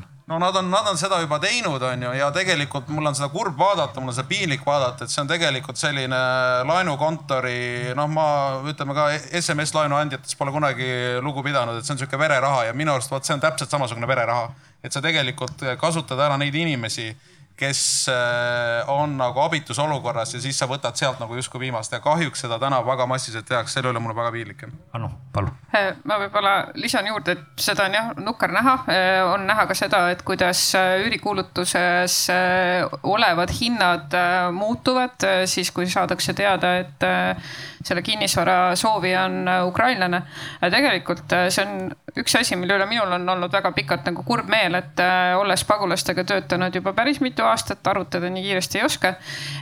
Siis üüriturg tervikuna on olnud üldse välismaalaste suhtes üsna umbusklik, et äkki nad on kuidagi ma ei tea, hoolimatud kinnisvara suhtes, äkki on mingisugused kultuurierinevused, äkki ei oska, äkki ei saa suhelda või äkki ei saa suheldud. noh, kuigi tegelikult ega noh, ma ei tea, pagulane on pagulane on pagulane, nagu Egert ka ütles, nad on täiesti tavalised inimesed ähm, ilmselt suurem osa üürnikuid üüriturul tegelikult on äh, jumalast normaalsed, nii et küllap ka ukrainlaste seas valdav enamus oleks vägagi kohusetundlikud üürnikud. ja nad ei saa isegi seda võimalust, et seda näidata. Raivo, et äh, praegu üüripindadega siit rääkida, et kuidas läheb pikaajalise, äh, ütleme, kuidas läheb majutuspindade leidmine ja kui palju, noh, et räägi korra lahti kui palju meil lühiajalisel majutusel on inimesi praegu. ja, ja kuidas meil sealt lühiajaliselt majutuselt siis väljaliikumine praegu toimub? no ma korraks tulen tagasi see, mida, mida noh, Martin, Martin on küsinud ja, ja, ja mida ette heit-, no ma olen nõus selles mõttes, et äh, on üks kriitiline prognoos, millega millega riik eksis ja see prognoos, millega riik eksis, ei olnud see, kui palju põgenikke sisse tuleb. noh, ma ütleksin, et see ei olnud nagu see, see kriitiline number, kaks tuhat, viis tuhat, noh seda, see, see ei olnud, see ei tekitanud tõrget selles mõttes, et kõik inimesed, kes tulid, said ära majutatud. see ei olnud tõrkekoht. aga tõrkekohaks on kujunenud nüüd see, kuidas hinnati, kui kauaks need inimesed siia jäävad ja äh, siis Eesti ühiskonna võimet neid inimesi majutada, see on see tõrkekoht ja see tõrkekoht tegelikult on praegu alles ees. selles mõttes, et kui me vaatame numbreid, siis äh, riigi poolt ajutisel majutusel on olnud üle kuueteist tuhande inimese. Nendest kuueteist tuhandest äh, eilse hommikuse seisuga oli kolm tuhat seitsesada kaheksakümmend kuus oli praegu veel riigi ajutisel majutusel, mis siis tähendab seda, et tegelikult päris suur hulk on edasi liikunud. jah, osad on jäänud Eestisse, saanud siin üürikorteri, osad on liikunud kuskile edasi. aga järjest raskemaks läheb, järjest raskemaks läheb. statistiliselt keskmine, keskmine Ukraina sõja eest põgenev inimene on riigi ajutisel majutusel üks koma viis kuud. see on keskmine, aga on juba neid inimesi, kes on olnud üle nelja kuu Neid, kes on olnud päris kriisi algusest, neid on vähe, aga neid ikkagi on. ja aga noh, me näeme sellest nagu selles äh, dünaamikas, et alates maikuust, see noh, siis neli kuud, eks ole, ei ole põhimõtteliselt riigi ajutisel majutusel olevate inimeste arv vähenenud, kogu arv on juhtunud seda, et noh, sadakond läheb välja, sadakond tuleb sisse, ehk siis selles mõttes selles osas me seisame paigal. Ja noh, see on, äh, see on see, millega ma Martiniga nõus olen, seda me ei osanud prognoosida. See oli asi, mida riik ei osanud prognoosida, et mis on see kinnisvaraturu äh, võimekus vastu võtta, sellepärast et me suudame prognoosida seda ja üsna hästi lükata inimesi, noh, ma ei tea, äh, iseseisvasse ellu, luues neile eelduse sissetuleku näol aga vaat see, millega, millega riik jääb hätta, on see, et luua neile elukohti. noh, see on, see on, no ma ütleksin, et tuleviku perspektiivis võib-olla selline kõige kriitilisem moment ma kommenteerin, et viimased paar kuud on see väga nähtavalt hakanud mõjutama ka nende tööhõive küsimusi, et varem nad tulid meie juurde ja soovisid registreerida töötuna, hakkasid saama ka töötutoetust suure tõenäosusega. aga nüüd nad tulevad ära juba eh, leitud töökohtadest sest nad äh, näevad, et nad ei tule rahaliselt toime seoses äh, eluruumide hinna, rendituru tõusuga.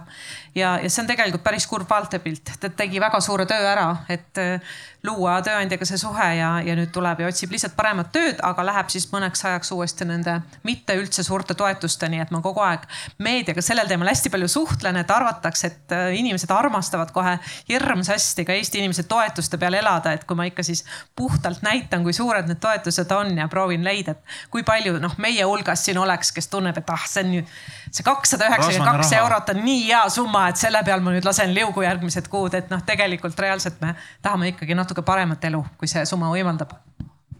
jah, ma võib-olla siin ja siin, siin lisan, et et noh, see, see kriis nagu ikka kriisid, eks ole, võimendavad neid nõrkasid kohti, mis, mis noh, mis tahes süsteemides juba on, eks ole.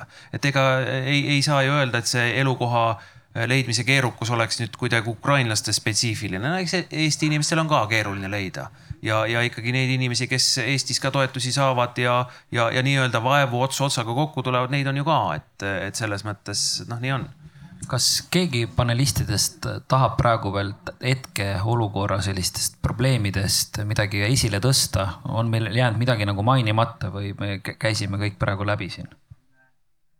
kui me räägime tänasest olevikust praegu ja, ja probleemide ringist. meil oli siin äh, üüri, me rääkisime majandusest, me rääkisime tööturust, me rääkisime üüri, üüripindadest, me rääkisime väga positiivsest äh, koostööst omavahel, rääkisime ka ajakirjanduse rollist.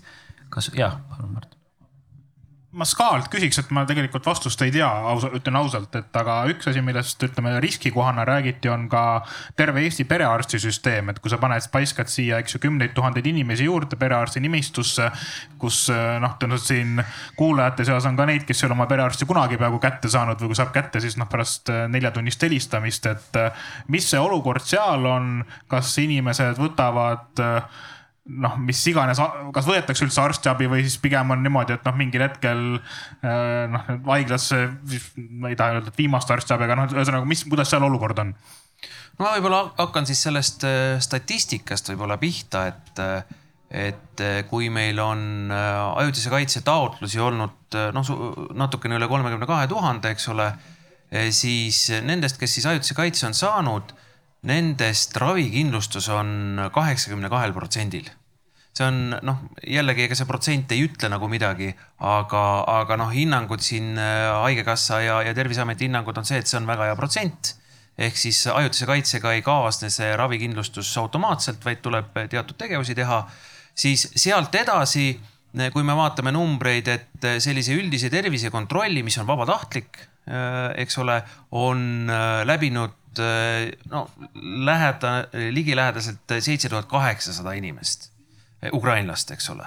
et, et mis on ka väga-väga hea, hea, hea protsent ja, ja, ja arstiabi neid juhtusid, kus Ukraina eh, põgenikke on pidanud aitama need ei ole siis ainult ajutise kaitse taotlejad, vaid, vaid kõik juhud, eks ole, et neid on seal noh, lähes kakskümmend seitse tuhat.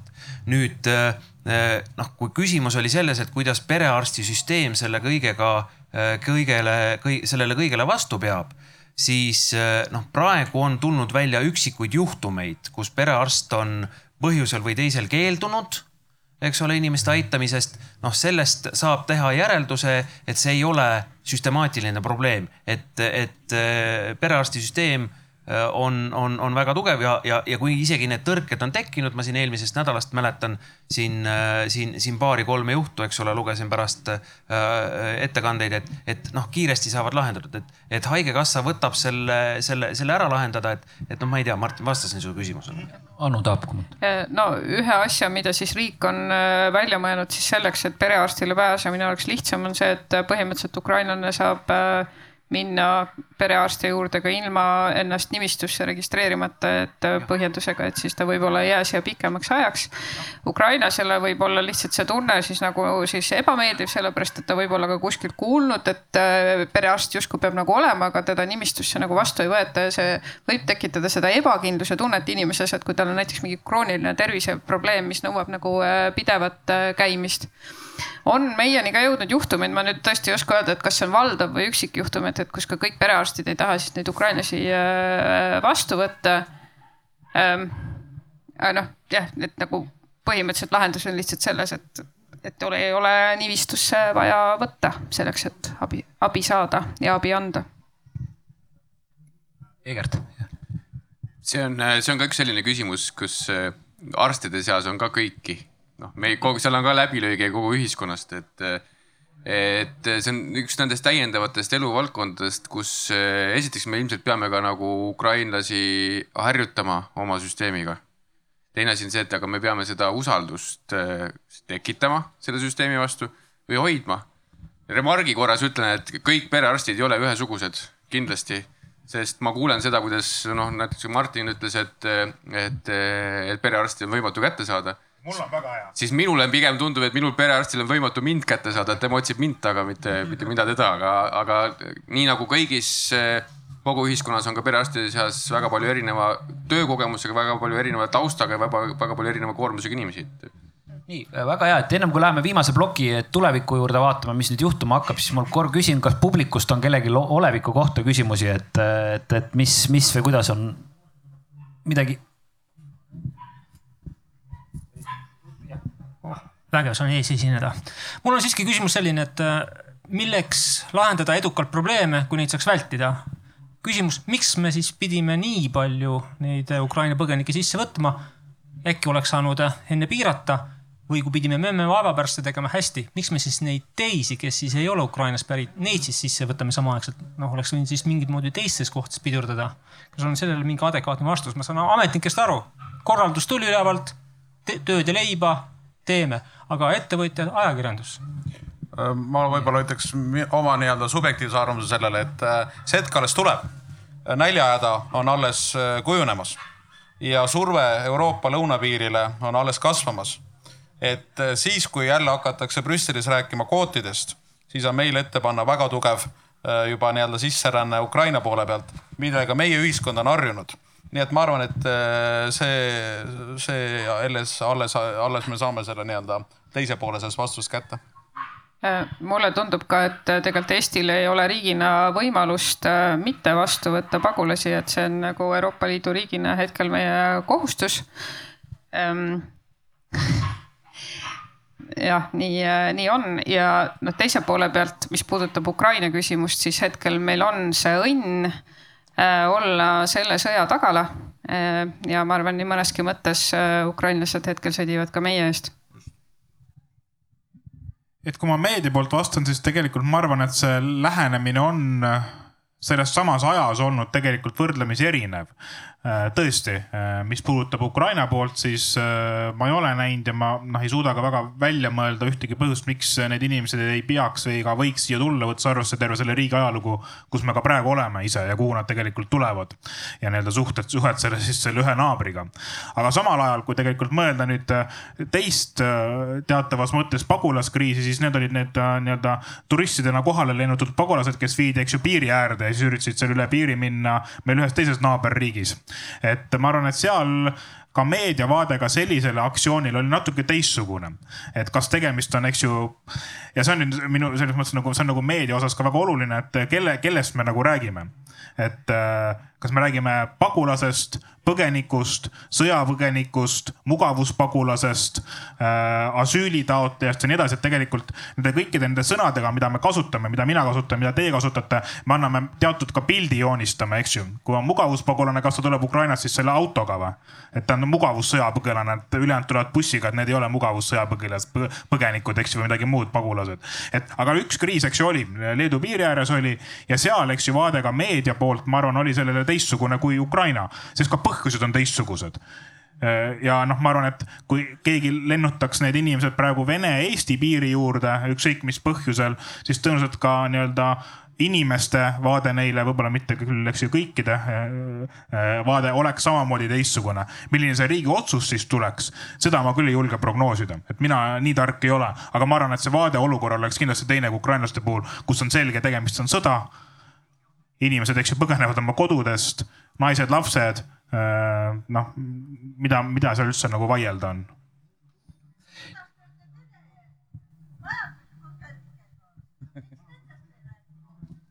Egert, palju tuleb äh, Venemaalt praegu mm, sisserände raames, et kas tuleb võrdselt Ukraina sõjapõgenikega või tuleb neid vähem, mis numbritest me räägime?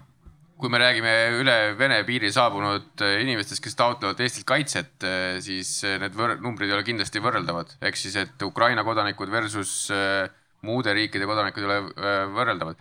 kui, et mitte siit sellelt arutelult aega ära võtta, siis ma lihtsalt teen ühe siukse väikse reklaami, et kui teid see teema kõnetab, siis homme siinsamas telgis on veel üks arutelu, mis räägib sellest, et kas Euroopa Liit on valmis selliseks nii-öelda hübriidrünnakuks ja kas need meetmed on olnud adekvaatsed ja õiged, nii et igal juhul teretulnud ka homme siia lavale. ma, ma korra, et viimase plokki ära minna tuleviku poole, mis toob, et siis eh, korra, et sellele punkt panna, et eh, ma tahaks vaadata, et kas see kattub jälle Politsei- ja Piirivalve Instagrami konto statistikaga, et palun andke publikust eh, nüüd selle ilusa jutu peale, mis siin me rääkisime kõik asjalik, isukad, et kuidas teie tunnete, kas tõstke palun käsi, kes arvab, et Eesti riik on hakkama saanud põgenikekriisi lahendamisega sõjapõgenikke, just. nii, see on ka suur enamus, et ja ka Instagrami kontol politsei- ja piirivalveamet väga julgelt küsis, kuidas on Eesti põgenike aitamisega hakkama saanud, kas hästi või halvasti, vastas kakssada kolmkümmend neli inimest, hästi vastas kakssada viis, on hakkama saanud ja kakskümmend üheksa. peegeldas väga-väga-väga hästi seda, seda, mis siinpool on. nii, ja nüüd tuleb. Gert, kas ma võin ja. teha veel oleviku kohta ühe kommentaari, et see läheb lihtsalt kogu selle tuleviku ja selle sügisega lihtsalt kokku, et, et üks on see, et millisest ühiskonnast siis äh, tulevad pagulased ehk need inimesed, kes on olnud sunnitud koduriigist lahkuma, et vot need on pagulased, on ju. Äh, et siis ukrainlased äh, väga sageli töötavadki oma koduriigis mustalt ja pigem ei maksa maksta, sellepärast et võib-olla see usaldus riigi vastu on selline, nagu ta on, et lihtsalt siin võite ju mõelda, et milline võib olla ka sinu roll, kas lihtsalt kodanikuna, tööandjana lihtsalt sõbrana, ametiisikuna seletama siis ka selles, et mis on see väärtus, kui sa tegelikult lähed äh, ametlikult äh, tööle. otsid endale siis ka selle usaldusväärse tööandja, kes sinu eest makse maksab ja miks see on tähtis. ma arvan, et see on nüüd üks teine arutelu, arutamaks, miks see on tähtis. väga hea Läheme siis viimase poole peale, et ma alustaks, Martin, sinust, et ka sellise nagu lõppsõna vormis, et, et ähm, tulemas on sügis sina oled olnud väga aktiivne ka poliitikavaatleja. Äh, ajakirjandus äh, kindlasti järjest rohkem hakkab ka kajastama poliitilisi sündmusi, meil on valimised tulemas. kuidas sina, mida sina nagu taja, tajud ja mida sa näed, mis on tulemas äh, Ukraina sõjapõgenike sellises poliitilises teemaringis? kas me läheme omavahel kaklema? kas, kas see tekib, tekib võõraviha valimiste kontekstis ja, ja kuidas ajakirjandus peaks selleks nagu valmis olema? no ajakirjandus on selles mõttes, eks ta peegeldab, eks ta, kuidas me, ega me mingit erilist nippi valmisolekuks ei ole, me teame, kuna on riigikogu valimised, me teame, et tuleb talv, noh, need on siuksed asjad. no riigikogu valimised võivad küll, eks ju, tulla ka erakorralised mingitel hetkedel, siis me ei saa valmis väga võib-olla olla, aga noh, talv tuleb niikuinii, eks ju. et winter is coming on ka ühest äh, telesarjast sihuke väga hea ütlus, et äh, et ma arvan, et see on nagu selline enam-vähem võib ka olla, seal on mitu korda öeldud ka seda, et sihuke võtmepunkt on see tegelikult see talv ja selle ta, esimese talve mingis mõttes ka üleelamine. ja mitte ainult nagu Eestis, aga tegelikult Ukrainas ka ja võib-olla ka kuskil natukene nii-öelda mujal, kus need, need sündmused nagu mõjutavad. sellepärast, et seesama toidu küsimus, seesama eh, nii-öelda kuuma küsimus, täna on siin väga hea olla, noh ei ole ühtegi kampsunit vaja aga mõelge nüüd, Ukraina ka tegelikult mingitel hetkedel päris külm riik. Eestis miinus kakskümmend ja sa ei saa kütet sisse lülitada või sul ei ole kampsunit korralikku ja nii edasi. ja samamoodi Ukrainas sul ei ole süüa, mida sa siis teed, kuhu sa liigud, et tegelikult nagu selleks asjaks nagu valmisolek, mis äh, nii-öelda siin mitu korda on juba kõlanud, ma arvan, see on nagu see võtmeküsimus. Ja see kõik, eks ju, tekitab meile poliitilise fooni, mida me hakkame siis enne äh, märtsikuiseid, eks ju, valimisi kuulma kõigis nendes debatisaadetes, tõenäoliselt kõikides telekanalites. Ja loomulikult sada protsenti ühe valimisteemana, teemana tuleb kvoodi küsimus. see on sada protsenti selge, koos elektri küsimuste, muude nii-öelda toimetuleku küsimustega tuleb see, kui palju, keda ja mis värvi võib siia riiki sisse lasta. ja see on täiesti, noh, see on sada protsenti kindel aga millise rolli ajakirjandus peaks siin võtma siis, kas äh, kajastab igat äh, värvikat kurja ütlemist või, või, või võtab ka sellise nagu hariva seisu või et, et nii ei ole korrektne käituda või? Keeruline on rääkida nagu kõigi eest, et ma ei saa rääkida kõigi eest, ma saan rääkida Õhtulehe eest ja Õhtuleht äh, oma nii-öelda missioonis ja kõiges muus on alati ennast äh, positsioneerinud nõrgema poolele.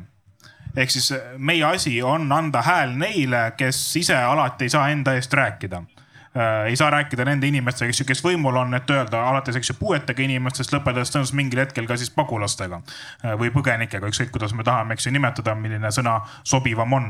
et äh, ma arvan, et äh, see on ka meie positsioon seal, on anda see hääl see, mida lõpuks poliitikud otsustavad või kuidas nad otsustavad, noh, see ei olnud meie kätest, tavaliselt on väljas, jah.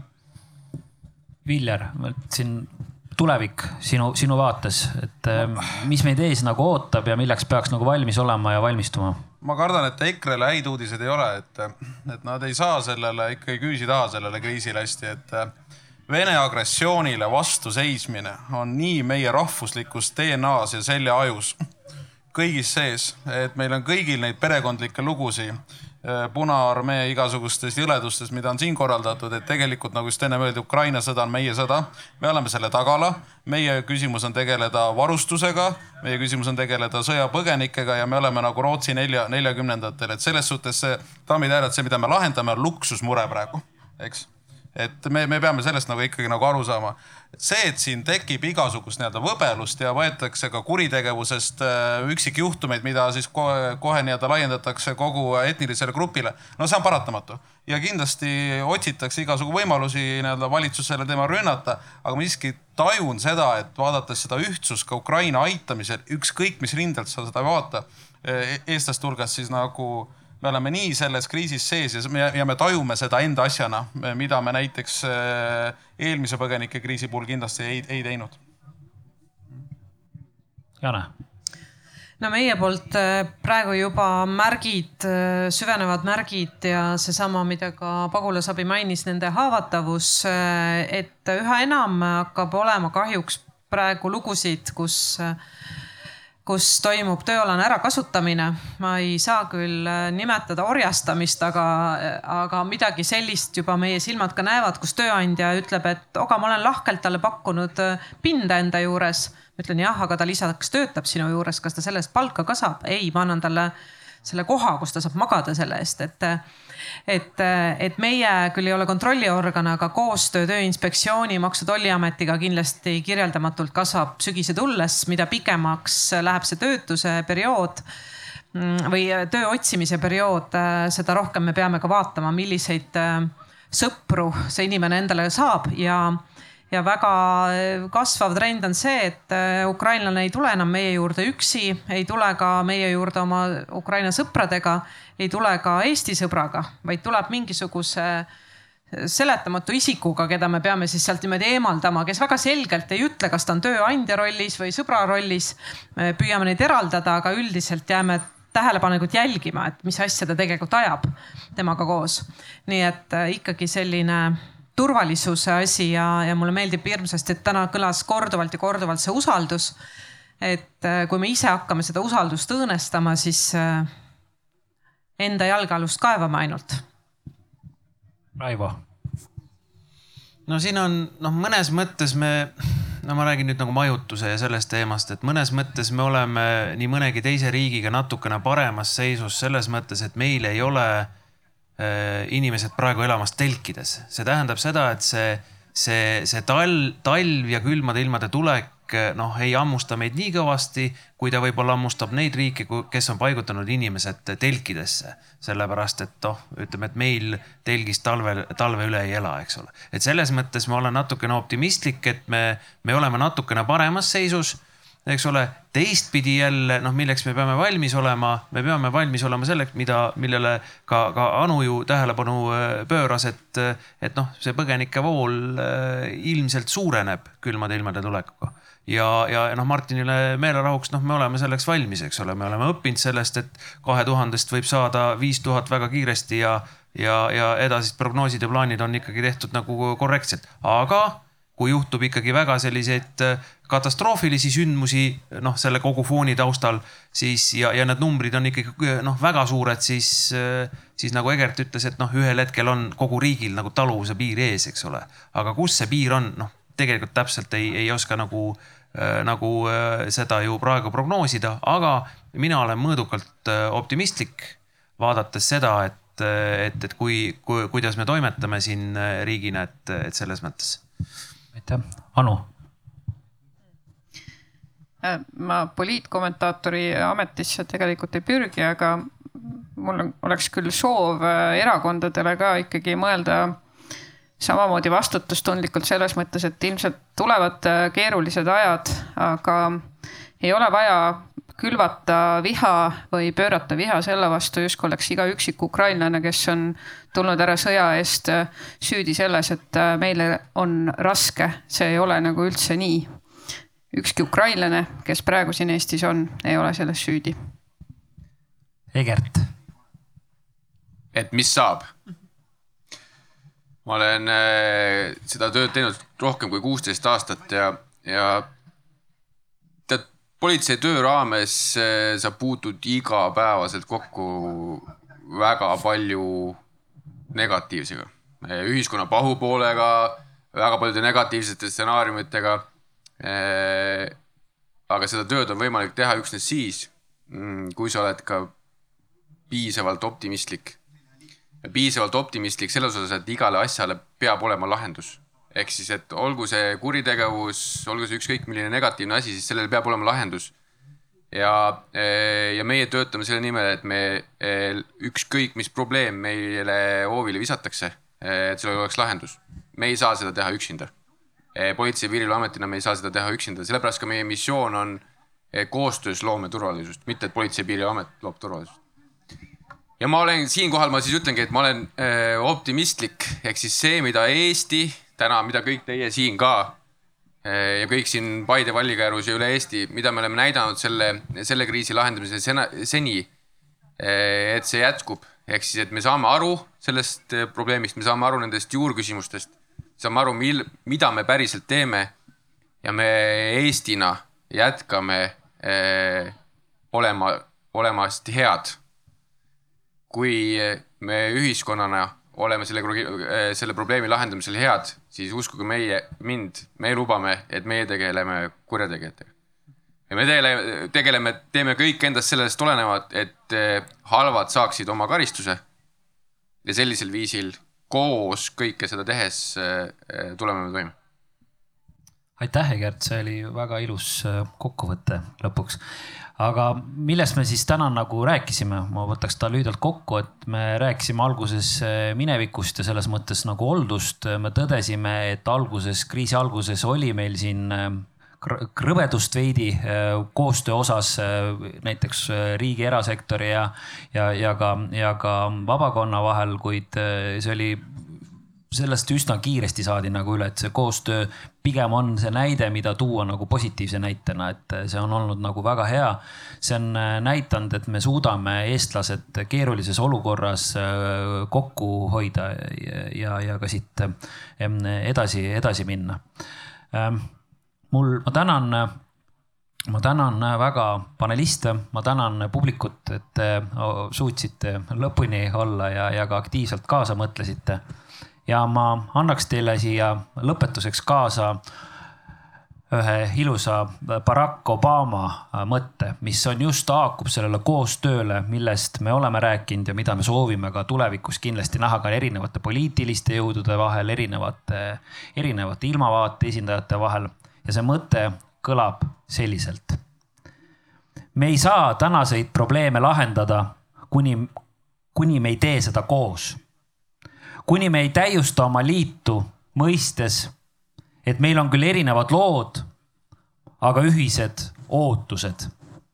me kõik tahame liikuda samas suunas, parema tuleviku poole oma laste ja lastelaste jaoks. aitäh teile.